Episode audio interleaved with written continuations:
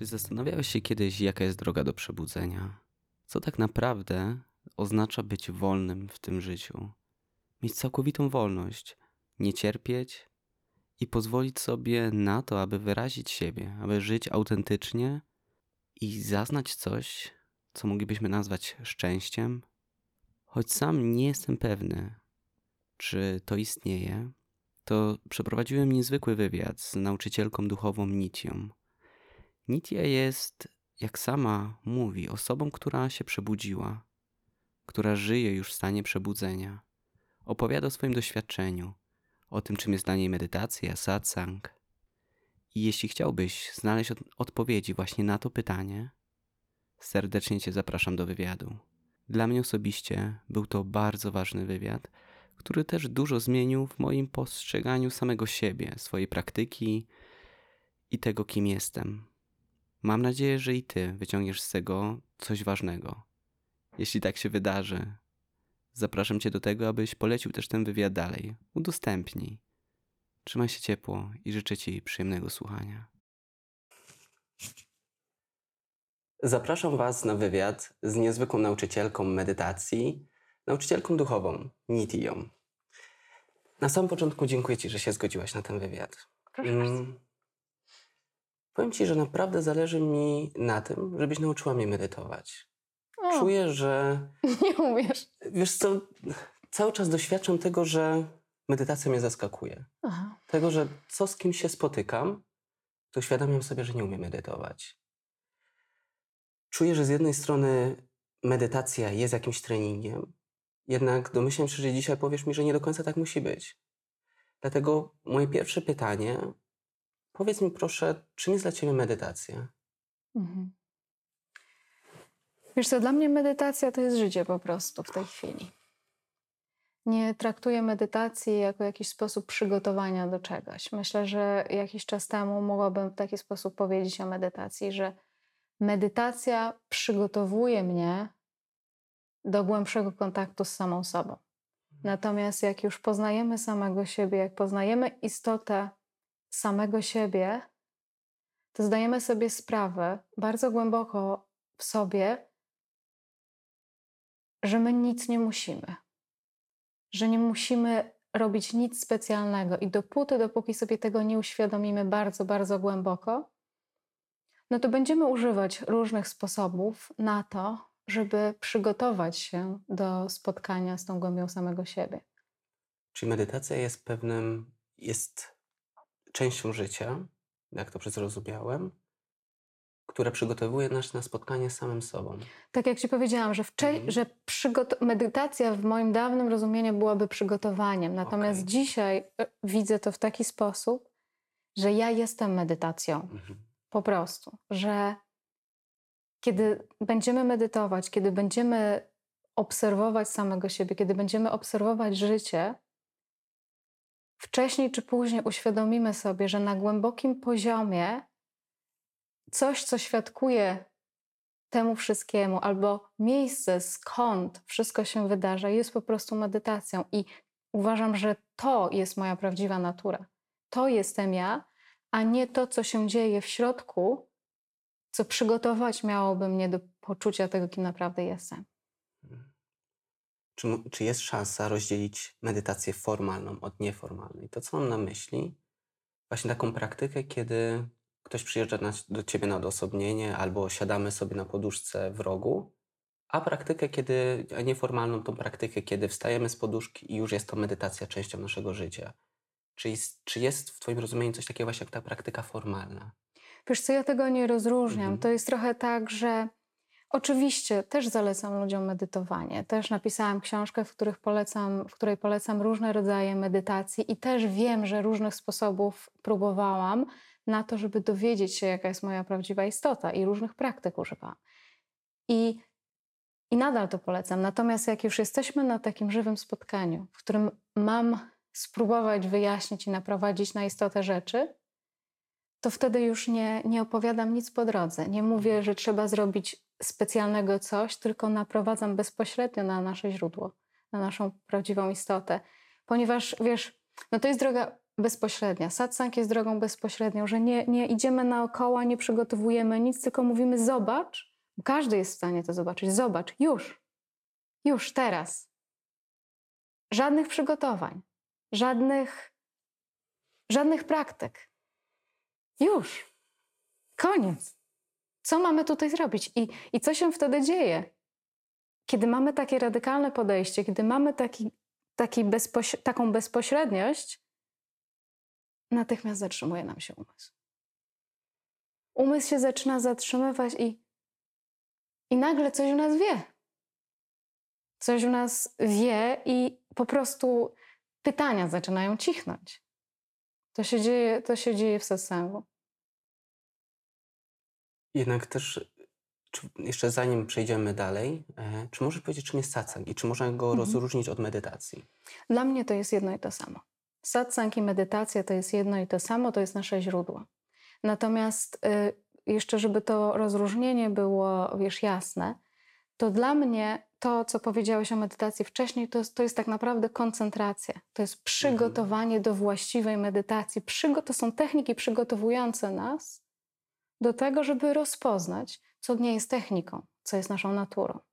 Więc wszystkie te rzeczy to, to, jest dla mnie, to są dla mnie różnego rodzaju koncentracje. Natomiast medytacja, nawet w jodze, to jest ten, ostat, ten przedostatni, przed samadhi e, proces, w którym, w, któ- w którym później rozpoznajemy swoją naturę.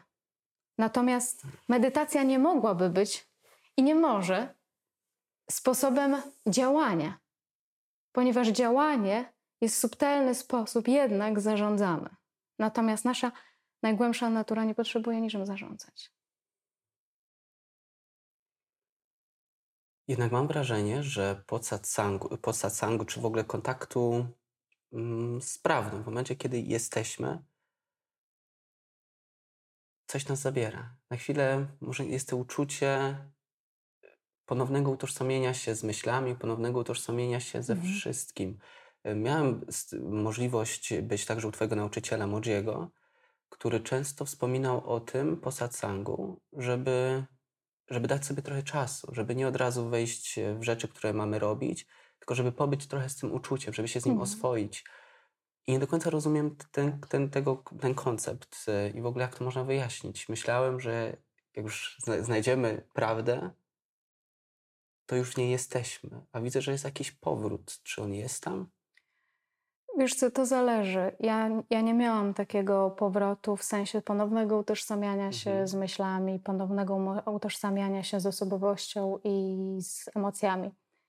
Coś takiego u mnie nie następowało, aczkolwiek jakieś, jakaś oscylacja pomiędzy wiesz, większymi emocjami generalnie, a, a mniejszymi następuje cały czas. Natomiast na satsangu wydarza się coś takiego, że my zaczynamy być w głębszym kontakcie z samym sobą. I tak jak powiedziałeś, że jakiś czas, na jakiś czas nam to starcza, potem przechodzimy do naszego zwyczajnego życia i bywa, że nas z powrotem zabiera. Natomiast jeśli nasz fokus jest nadal na medytacji, na satsangu, to jest tego coraz mniej. Ja, mi jest trudno powiedzieć, dlaczego.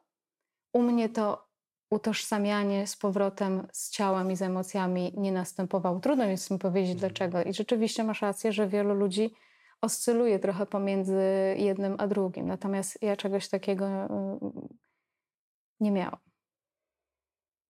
Po prostu wiesz, to jest trochę tak, że wielu ludzi rozumie to w taki sposób, że jeśli doświadczam swojej jaźni, jeśli doświadczam e, medytacji, satsangu bardzo głęboko, to znaczy, że, że o to chodzi. Natomiast to nie tylko o to chodzi. Ponieważ em, kiedy pojawiają się myśli, kiedy pojawiają się emocje, kiedy pojawia się zwyczajne życie, to w, naszej, w naszych głowach zadziewa się coś takiego, że zaczynamy myśleć: ojej, to znowu coś poszło nie tak. To znaczy, że coś poszło nie tak. I to jest ten moment, w którym dobrze jest rozpoznać, że to są po prostu kolejne myśli i nic nie mogło pójść nie tak.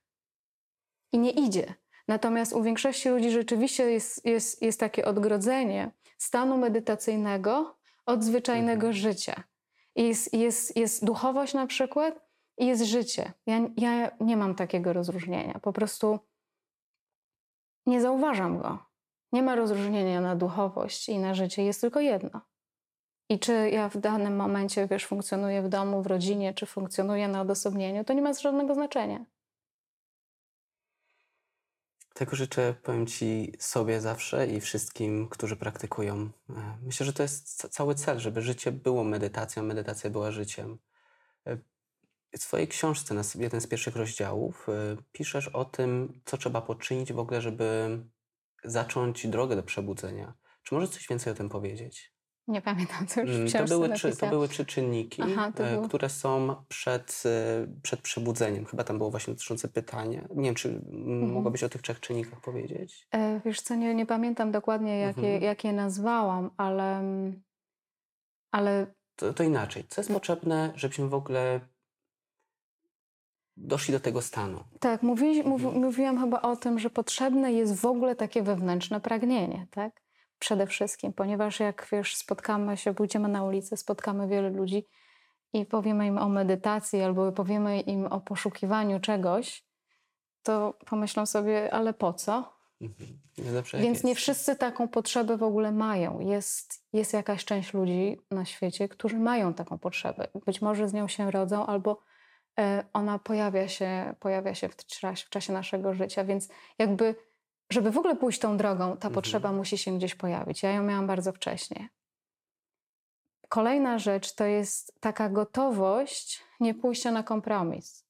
Nie pójścia na kompromis z tym, co jest, ja to nazywam szczerością bo my w naszym życiu najczęściej to tak, tak próbujemy się układać ze wszystkim. Próbujemy, próbujemy się z tym życiem układać. Ja w pewnym momencie zrozumiałam, że bardziej interesuje mnie prawda niż wygoda i swoboda. I to było, to było coś istotnego, bo kiedy mi się to pokazało, to przestraszyłam się trochę. Bo ja przecież nie wiem, co ja zobaczę, jeśli ja sięgać będę chciała po prawdę. To ja nie wiem, co zobaczę, nie wiem, co mnie spotka, więc pojawiła się jakaś ekscytacja, ale jednocześnie lęk. I też myślę sobie, że nie, wie, nie wszyscy ludzie na świecie mają w ogóle e, gotowość i mają w ogóle takie chęci. Natomiast te dwa czynniki e, są, są bardzo ważne. A trzeci, który opisałam w książce, też nie pamiętam, co to było. W porządku. To zachęcamy do zajrzenia w książkę. Myślę, że to są super praktyki. Mm, Pojawia mi się kolejna rzecz. Mówimy, mówiliśmy teraz o tym, co jest potrzebne, żeby zacząć. Jednak jak praktykować? Czy możemy praktykować w ogóle w domu sami w jakikolwiek sposób?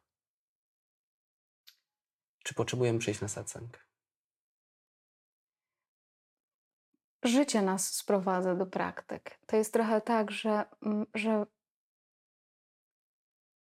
u każdego z nas w innym momencie pojawia się w pewnym momencie takie poczucie, że y, nie chcę tak. Nie podoba mi się tak, jak żyłam, czy jak żyję. Coś tutaj e, dzieje się dziwnego. Ja chcę poznać to życie, chcę poznać, kim jestem naprawdę i chcę, i chcę zrozumieć, dlaczego w ogóle to jestem. To jest jakby ta chyba najważniejsza, najważniejsza rzecz. No i druga rzecz to jest też em, ta niewygoda, której my doświadczamy, cierpienie, tak?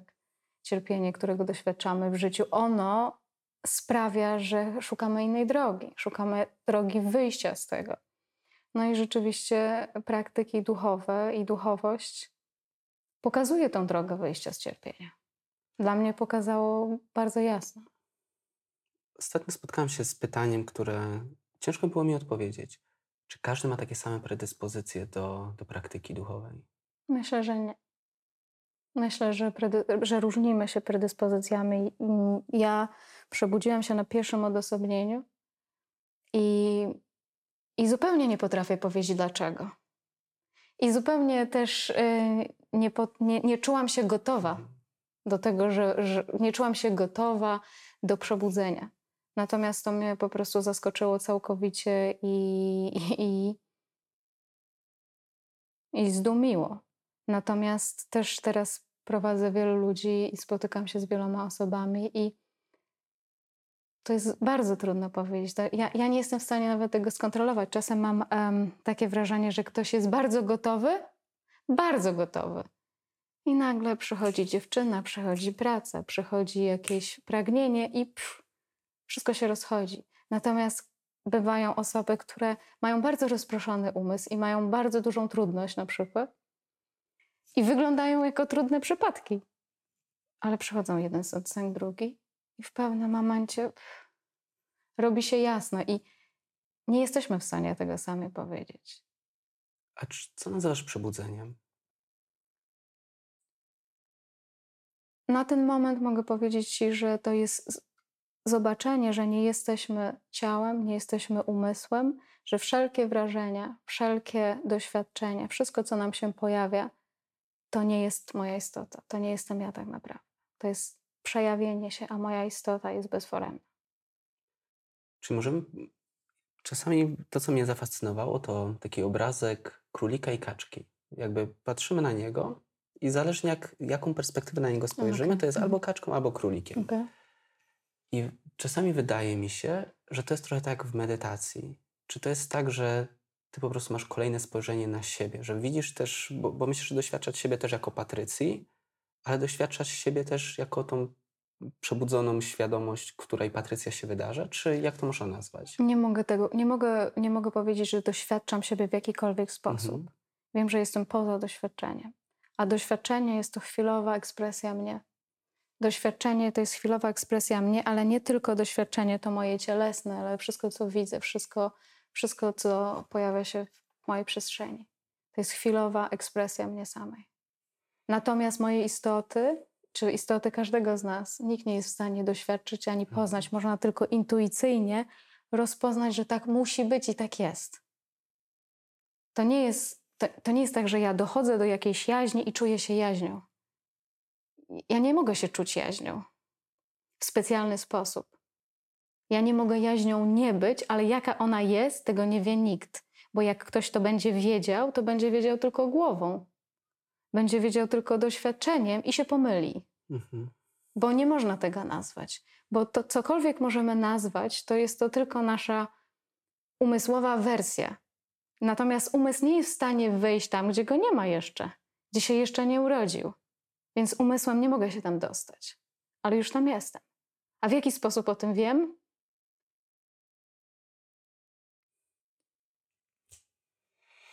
Pozaumysłowy. I my wszyscy możemy dojść do tego samego. I kiedy będziemy się przeglądać w medytacji, tak jak uczysz, to dojdziemy do tego samego. I to powoduje zatrzymanie tak naprawdę. Dla mnie to spowodowało zatrzymanie, a nie to, że wyszkoliłam sobie ciało, a wiesz, wiele lat ćwiczyłem jogę i wykonywałam różne praktyki. To nie, one nie spowodowały, że ja się nagle tak cieleśnie, fizycznie czułam przygotowana, jeszcze duchowo i jeszcze, wiesz, osobowościowo. Czułam się, że już jestem taką wspaniałą Patrycją, że ja już jestem gotowa, wiesz, na przebudzenie. Nie, dopiero przebudzenie nastąpiło, kiedy wszystkie te rzeczy były niczym. Były, były, były czymś zupełnie nieistotnym, bo zrozumiałam, że w ogóle nie o to chodzi. Kompletnie nie o to chodzi. Kompletnie nie chodzi o to, co ja mogę zrobić z tym ciałem, bo jakby nie w, nie w tym rzecz. Rzecz jest w tym, żeby zobaczyć, skąd ono przyszło. Skąd ja jestem, skąd ja się wzięłam w ogóle. I gdzie jest to, skąd ja się wzięłam. Zaczęłam tego szukać, zaczęłam to badać. Pojawiały mi się na początku najróżniejsze wrażenia. I umysł podpowiadał, zobacz, to może to, teraz się tak czujesz spokojnie, no to teraz może to jest to. A zobacz, teraz czujesz taką miłość niesamowitą, to może to jest to. I przychodziły najróżniejsze wersje rzeczywistości. W pewnym momencie zrozumiałam, że nie mogę być niczym z tych rzeczy. Bo to będą tylko takie okulary, które, które próbują uprościć coś, czego nie można opisać, ponieważ ja tam nie mogę umysłem wejść. I nikt tam nie wszedł. To wszystko od razu mi się rodzi to, co widzę też u osób, które rozpoczynają praktyki duchowe, cienie tych praktyk. Tego, że w tym momencie ludzie dają, tłumaczą swoje na przykład brak zaangażowania się, brak odpowiedzialności czy zakładania rodzin, tego, że nie istnieje, tego, że do mnie nie mów, to, to, to nie, mnie nie dotyczy. Ja nie jestem swoim ciałem, ja nie jestem swoimi obowiązkami. Jasne, no to jest duża pułapka. To jest bardzo duża pułapka i ona się często u ludzi pojawia wtedy, kiedy tak naprawdę nie ma tego zrozumienia. Kiedy e, ta pułapka pojawia się wtedy, kiedy to zrozumienie jest przejęte przez umysł. Jest intelektualne i kompletnie nie ma nic wspólnego z, z, naszym, z naszą jaźnią, z naszym stanem naturalnym. I wiesz, akurat w tym zakresie mam duże doświadczenie, bo spotykam się wiesz, z wieloma osobami, które właśnie w te pułapki wpadały na satsangach. Czy na satsangach, czy w innych praktykach, że wiesz, tutaj się mówi, nie jesteś ciałem, nie jesteś emocją, etc. W związku z tym dysocjujemy się od tego wszystkiego i unikamy tych rzeczy, i wydaje nam się, że właśnie już jesteśmy w słusznym miejscu. Ale to zupełnie nie o to chodzi.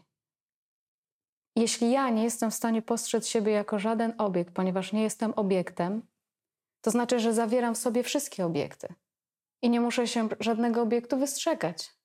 Nie mogę się wystrzegać swojego emocjonalnego obiektu żadnego, ani niczyjego innego. I to jest ta pułapka, w którą wpada, wpada rzeczywiście wielu ludzi w duchowości.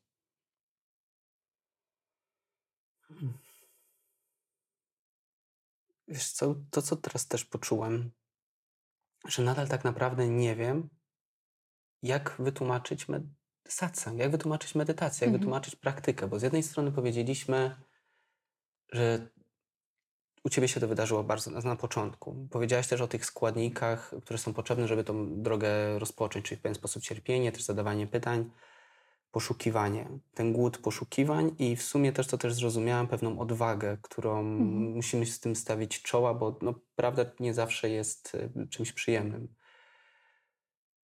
I wtedy w tym prawdzie jesteśmy.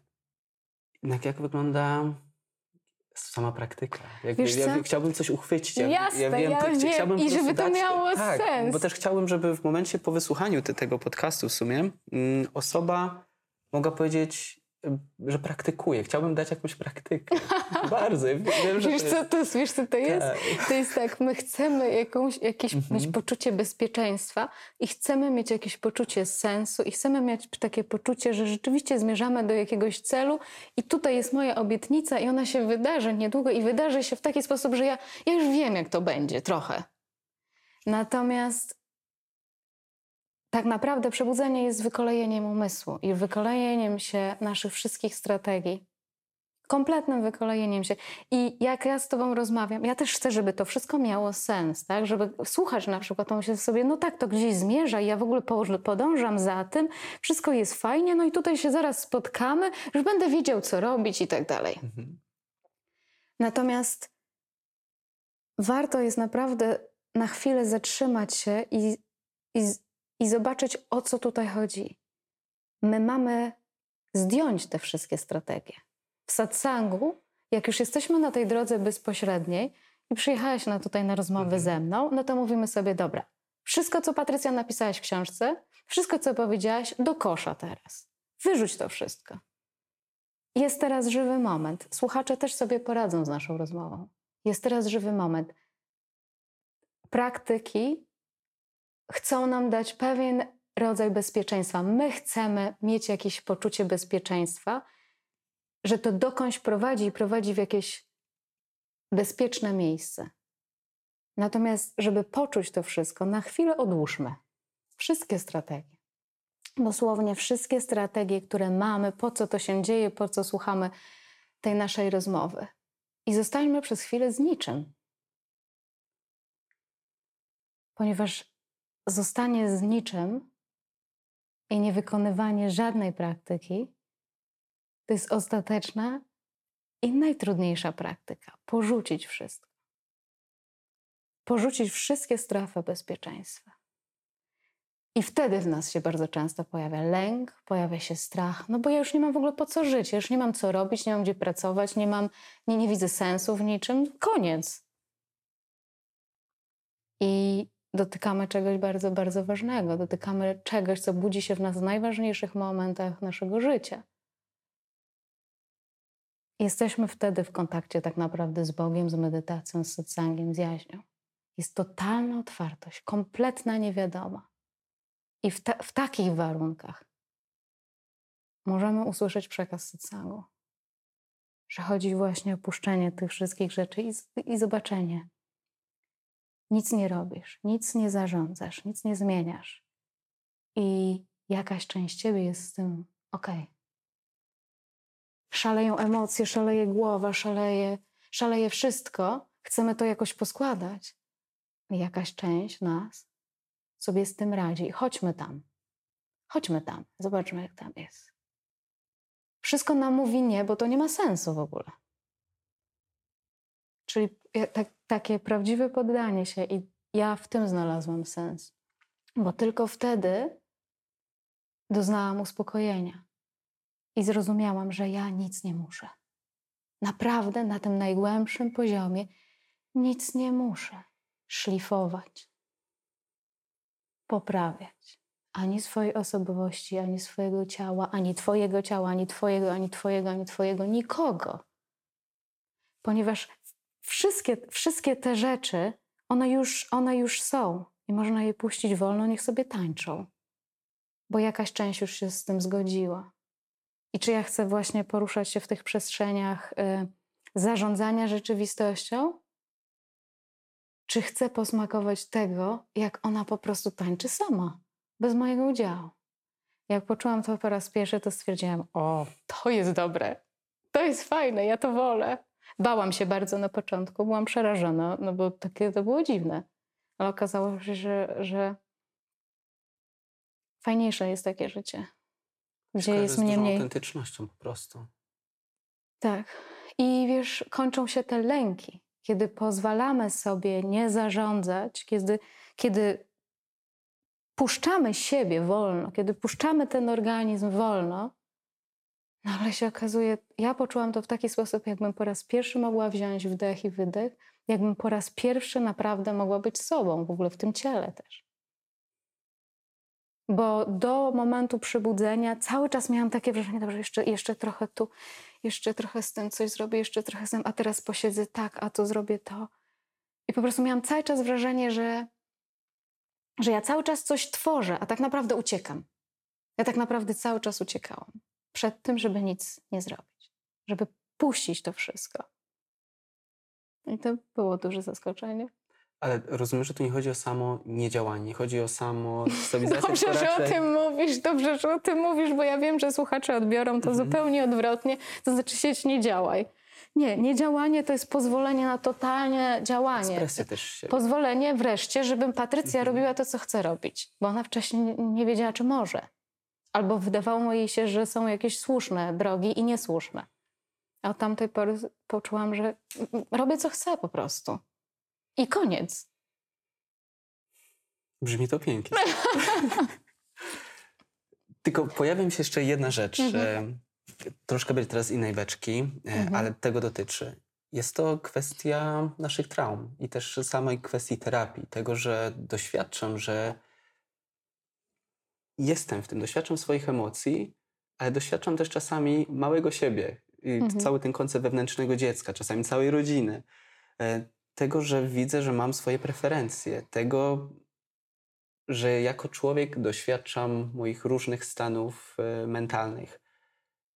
I zastanawiam się, bo przy- przyznam szczerze, przez pewien czas wierzyłem, że medytacja mnie wyleczy ze wszystkiego, że będzie ten stan, kiedy ja nie potrzebuję Mhm. żadnej terapii. Czy, czy tak jest? Czy, czy terapia mm, do czegoś się przydaje? Jak tak, to na jakim poziomie? Jak ktoś ma się do satsangu, do medytacji, do całego przebudzenia? Wiesz co, ja, ja myślę sobie, że y, terapia to w ogóle może nas doprowadzić do tego samego. Mhm. Terapia może nas doprowadzić do przebudzenia. I tak naprawdę najzdrowszy moment mojego życia, najzdrowszy, był właśnie wtedy. Po raz pierwszy go poczułam w taki sposób, ale był, był w momencie, kiedy uświadomiłam sobie, że nie jestem ciałem i umysłem. To był najzdrowszy moje, moment mojego życia, ponieważ wtedy to nie jest tak, że ja wyleciałam z tego ciała i koniec, ale ja również w nim byłam i zrozumiałam, że, że to jest takie, jakie jest, koniec, kropka. I nie ma tam nic złego. I wszystko, co to ciało doświadczało, jeśli doświadczało traum, a również takie były, no to dalej to się jakoś może też ciągnąć i, i wyrażać. I nie ma w tym nic złego. Więc terapia tak naprawdę może nas doprowadzić do takiego miejsca, w którym my, tak jak na satsangu, godzimy się wreszcie z tym ciałem i umysłem. Godzimy, bo jeśli terapia jest fajnie przeprowadzona, no to człowiek wreszcie dobrze się czuje w swojej skórze, prawda? Mhm. Czuje się dobrze wreszcie w swoich emocjach, w swojej skórze i po prostu nie ucieka tak bardzo. Dla mnie satsang był też czymś takim.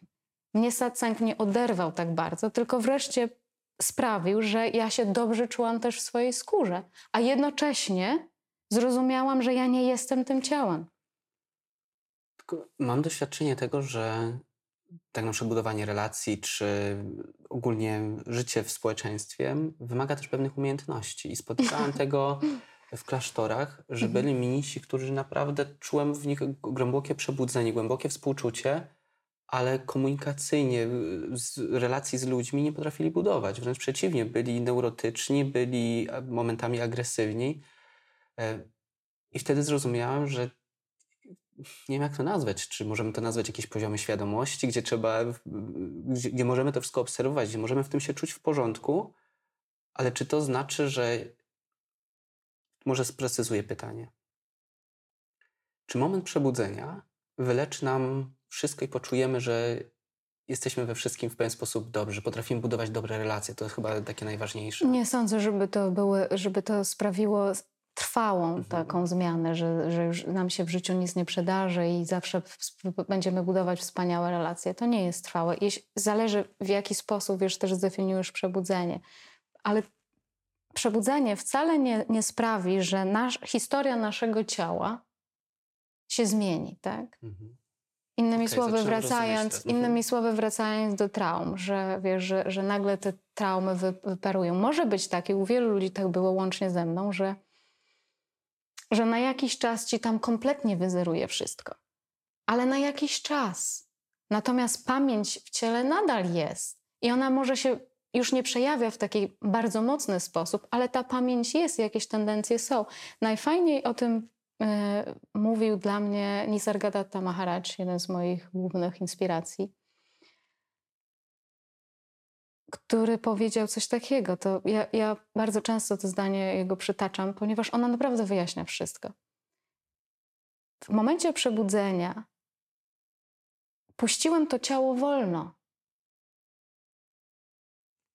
Ono będzie się zachowało zgodnie z jego przeznaczeniem. Ono będzie się zachowywało zgodnie z jego uwarunkowaniem.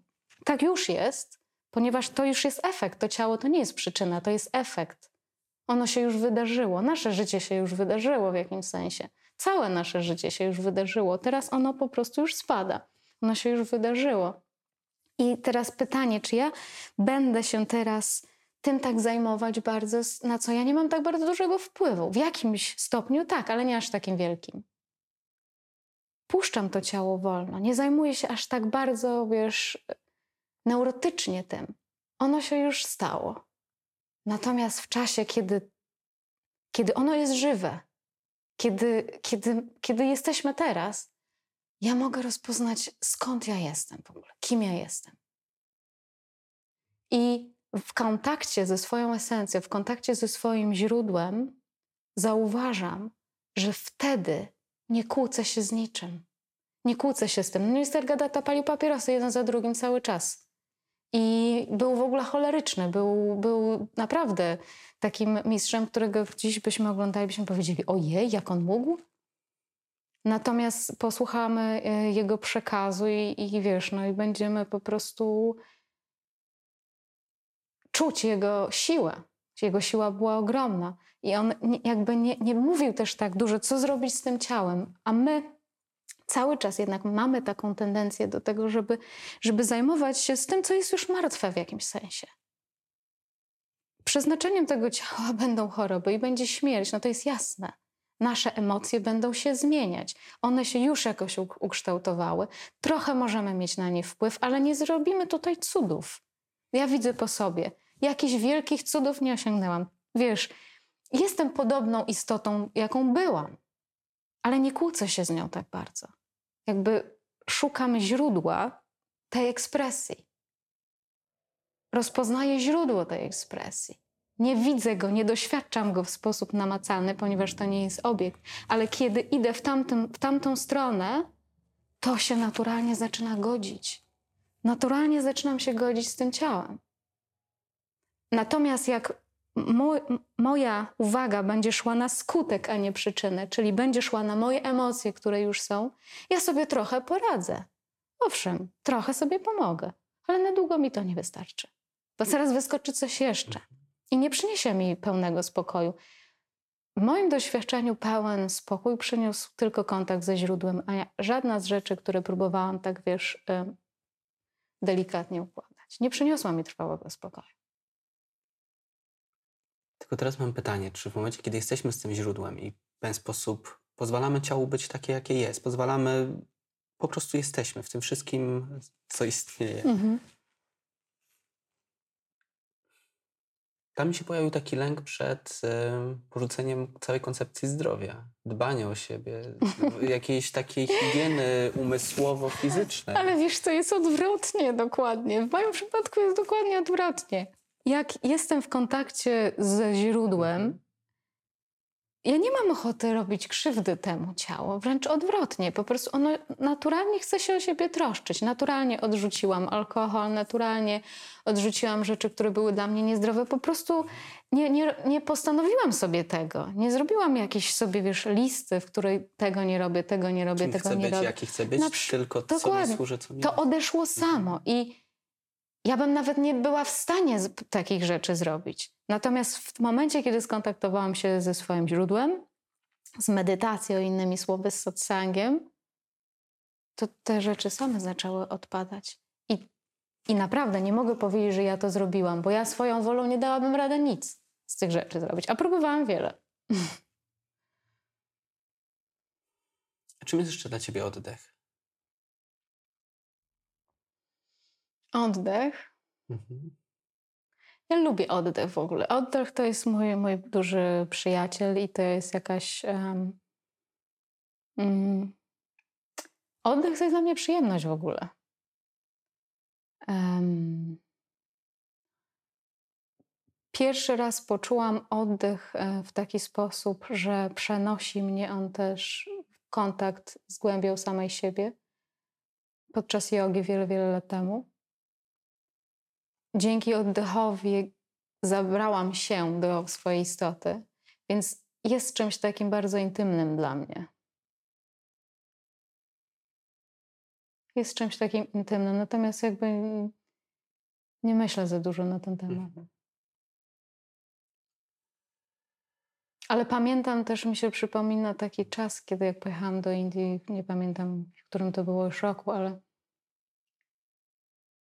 kiedy poznałam oddech w takim głębokim sensie, mam wrażenie, że przestałam oddychać w ogóle na jakiś czas. Że zupełnie przestałam oddychać. Wchodziłam w takie stany medytacyjne, zupełnie spontanicznie, bez żadnego specjalnego siadania do medytacji, że ustawał mi oddech. Nawet nie, trudno mi powiedzieć na jak długo. Po wydechu po prostu następowały takie zatrzymania, które nie wiem jak długo trwało, i potem po jakimś czasie, nie wiem, po iluś tam minutach, ten oddech przychodził znowu. I to było takie budzenie się do, do doświadczenia, a potem znowu chował się z wydechem. Ale myślę, że oddech jest, jest to bardzo fajny, fajna droga w ogóle do, do naszego źródła. Zdecydowanie. Ja nie ćwiczyłam go nigdy w jakiś specjalny sposób, ale, ale tak mi się to pokazało w moim doświadczeniu. Jeszcze jedną rzecz, która mnie zastanawia, to jest kwestia właśnie, to co już też wspominałam wcześniej, ale właśnie kwestia samych umiejętności. Umysł, umysł mózg, czy jakkolwiek to nazwiemy, uczy się czegoś. Właśnie Mhm. czy tej koncentracji, czy, czy budowania właśnie tych relacji, wrócę znowu do tego. Mhm. Em, Jak to się ma właśnie do satsangu nadal? Ponieważ e, troszkę się gubię w takim sensie, ja, który jestem, który posiada umiejętności, który, który chce się mieć dobrą koncentrację, który chce mieć dobre życie, który. Mhm. chce uwalniać emocje, wiedzieć sobie, jak sobie z tym wszystkim radzić.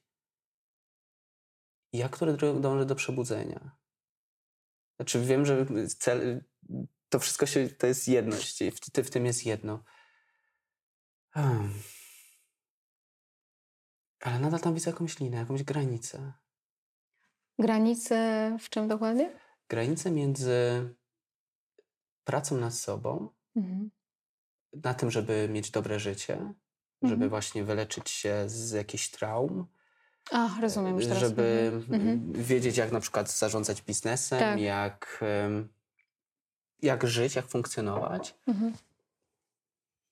A puszczeniem wszystkiego i nie koncentrowanie się na, na niczym, może nie koncentrować się na niczym konkretnym, ale po prostu na byciu przebudzonym. Jasne, ale wiesz co, zobacz, że samo twoje Mhm. pytanie wynika jednak troszeczkę z chęci skontrolowania, tak trochę tej rzeczywistości, Prawda.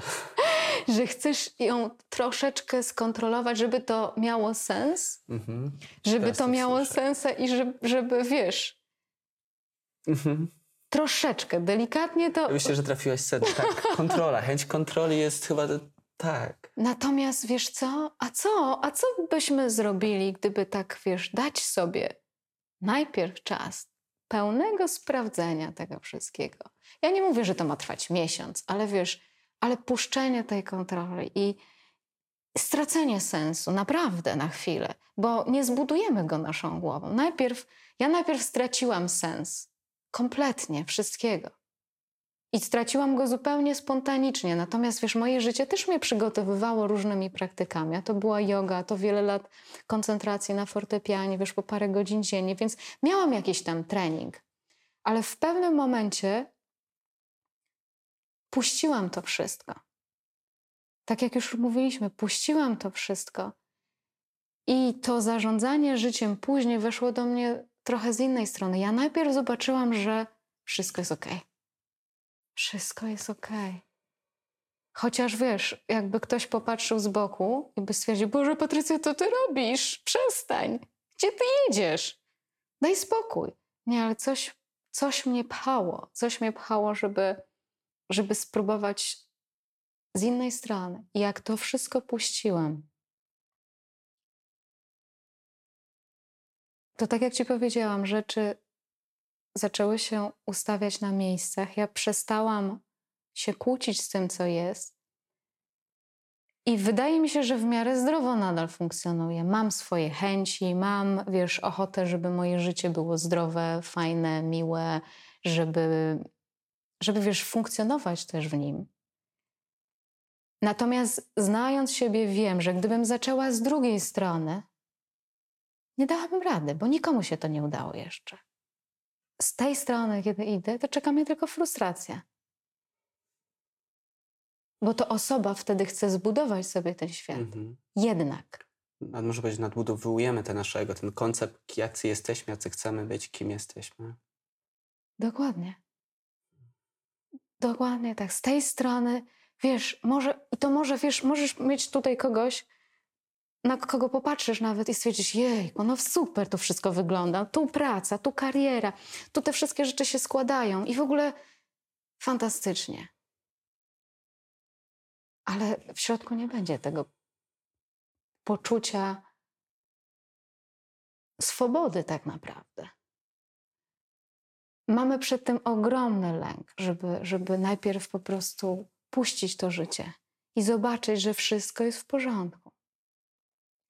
I jak to raz się zobaczy, czy wiesz, czy się do tego wraca wielokrotnie, to nagle się okazuje, że można.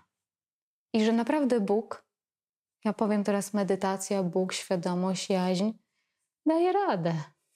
Daje radę. To też to, to mi się kojarzy z takim pełnym uwalnianiem emocji. Jakby stan już przebudzenia to jest to, że te emocje po prostu się wyrażają same, że już nie ma czegoś, co blokuje tych emocji. Co więcej, ja, bym, ja mogę powiedzieć, że ja, ym, mimo że ja jestem dosyć emocjonalną osobą, to ja po raz pierwszy emocje naprawdę zaczęłam czuć po przebudzeniu. Ja nie czułam wcześniej emocji. Mi się tylko wydawało, że ja je czuję. Mi się wydawało, wiesz, wyglądało to, jej, jak ona jest emocjonalna, ale ja ich nie czułam, ja nie miałam kontaktu z emocjami nawet. I też mówimy o całym wachlarzu emocji. Do- nie tylko no, tych przyjemnych, no, tylko też no, ogromnego bynajmniej, tak. żalu. i- Tak, wszelkie emocje po raz pierwszy, bo wiesz, ja wreszcie pozwoliłam sobie je czuć.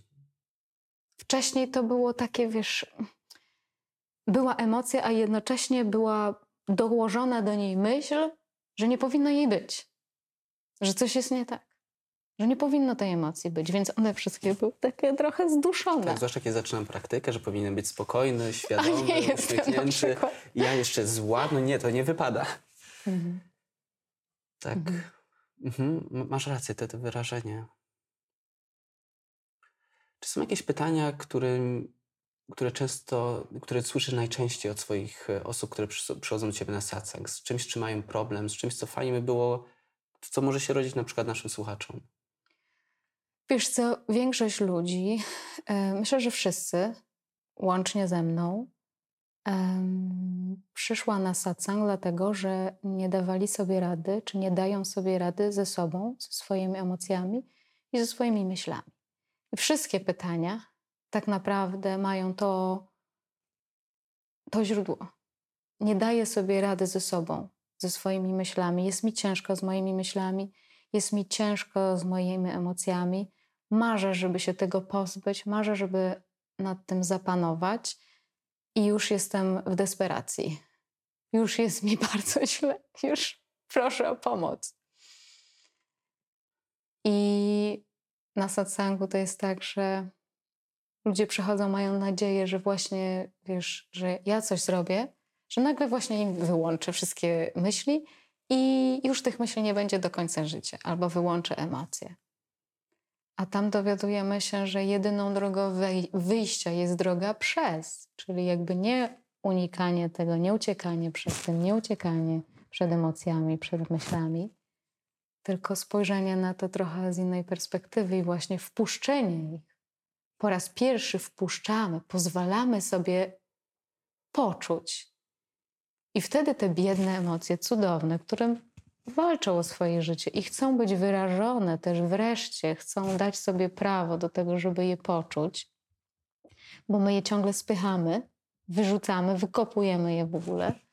My po raz pierwszy dajemy sobie do tego prawo. Jak dajemy sobie do tego prawo, to nasze ciało mówi: "Jej, Dziękuję, jak cudownie. Ja mogę oddychać, ja mogę czuć.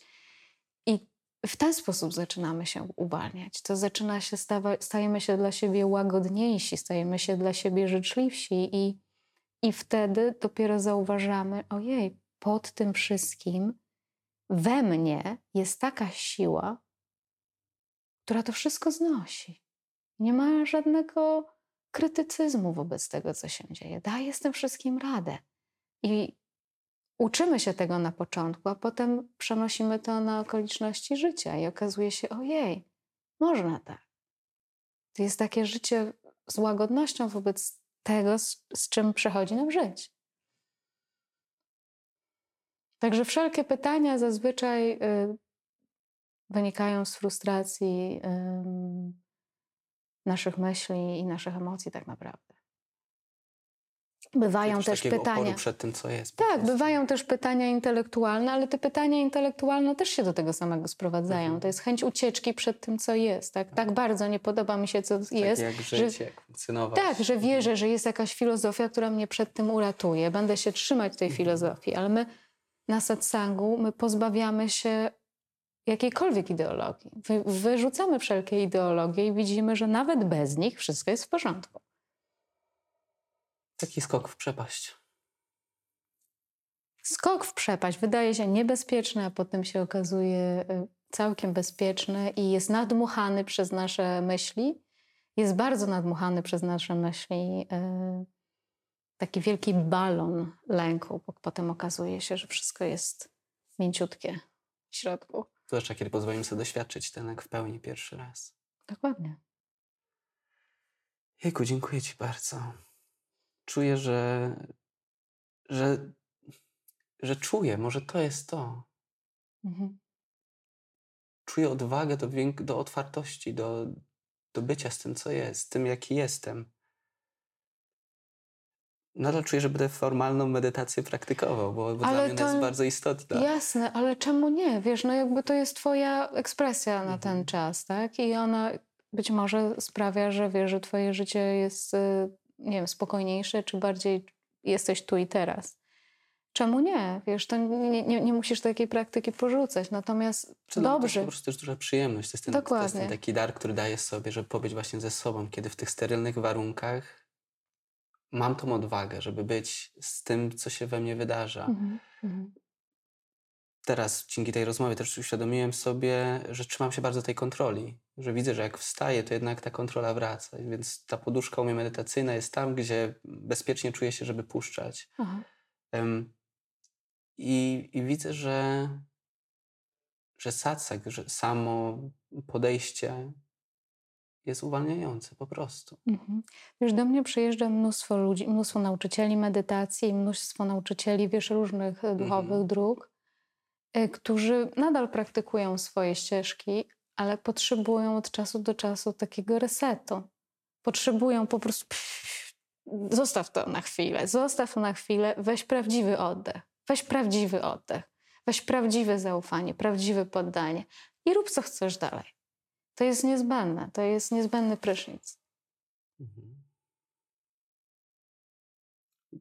To jeszcze jedna rzecz, która mi się kojarzy, że jeśli miałbym jednak zaszufladkować to gdzieś, bo taki mam umysł. No ta- dajesz, lecimy. To jest po prostu praktyka medytacji bezobiektowej, że nie mamy obiektu, który po prostu pozwalamy sobie trwać w tym, co jest. Em, a no tak, to po prostu jedyna ta, szufladka, która mi się po prostu pojawiła, ale ona też nie jest istotna w tym momencie. W moim doświadczeniu też jest, jest taki, tak jak e, spotykam wielu ludzi, że gdzieś jak w pewnym momencie zaczyna klikać w nas ten satsang, zaczyna coś w nas klikać, a nawet nasz umysł nie jest w stanie tego jeszcze złożyć, co tam się wydarzyło. Satsang będzie nas dalej prowadził sam. Po prostu w momencie, kiedy za daleko, wiesz, idziemy w kontrolę, w momencie, kiedy za daleko idziemy właśnie, wiesz, w trzymanie się czegoś, po prostu z powrotem nas będzie dryfował, albo życie nam przyniesie takie Mhm. doświadczenie, że roztrzaska te wszystkie koncepty. Mi cały czas jeszcze do tej pory przychodzi, że jak coś się, coś się złoży, to za chwilę musi się rozłożyć. Na szczęście. Tak, Musi się roztrzaskać. Tak jak nasze życie na koniec kończy się śmiercią, czyli jednym wielkim absurdem wszystkich naszych starań. Mandala życia. Dobrze, w takim razie bardzo Ci dziękuję za ten wywiad. Em, Dziękuję. Myślę, że jak ktoś będzie mieć pytania, wiem, że do Ciebie można po prostu pisać i odpowiadasz na maili, co, co jest cudowne. Em, Dlatego też jak ktoś z naszych słuchaczy będzie mieć pytania, no to po prostu zapraszam bezpośrednio, żeby pisać do Patrycji. Prowadzisz też odosobnienie, już widziałem, że miejsca się wyprzedały od razu, e, więc e, myślę, że warto śledzić Ciebie na bieżąco, żeby Mhm. też mieć taką okazję. E, Czy jest coś, co chciałabyś jeszcze zaprosić słuchaczy do czegoś? Możliwe, że w tym roku będziemy robić więcej takich spotkań, jeśli pandemia, pandemia nas nam pozwoli, takich otwartych spotkań. Chciałabym zrobić takie duże spotkania satsangowo-medytacyjne w dużych miastach Polski w tym roku, ale zobaczymy, czy to się uda, czy będzie taka możliwość.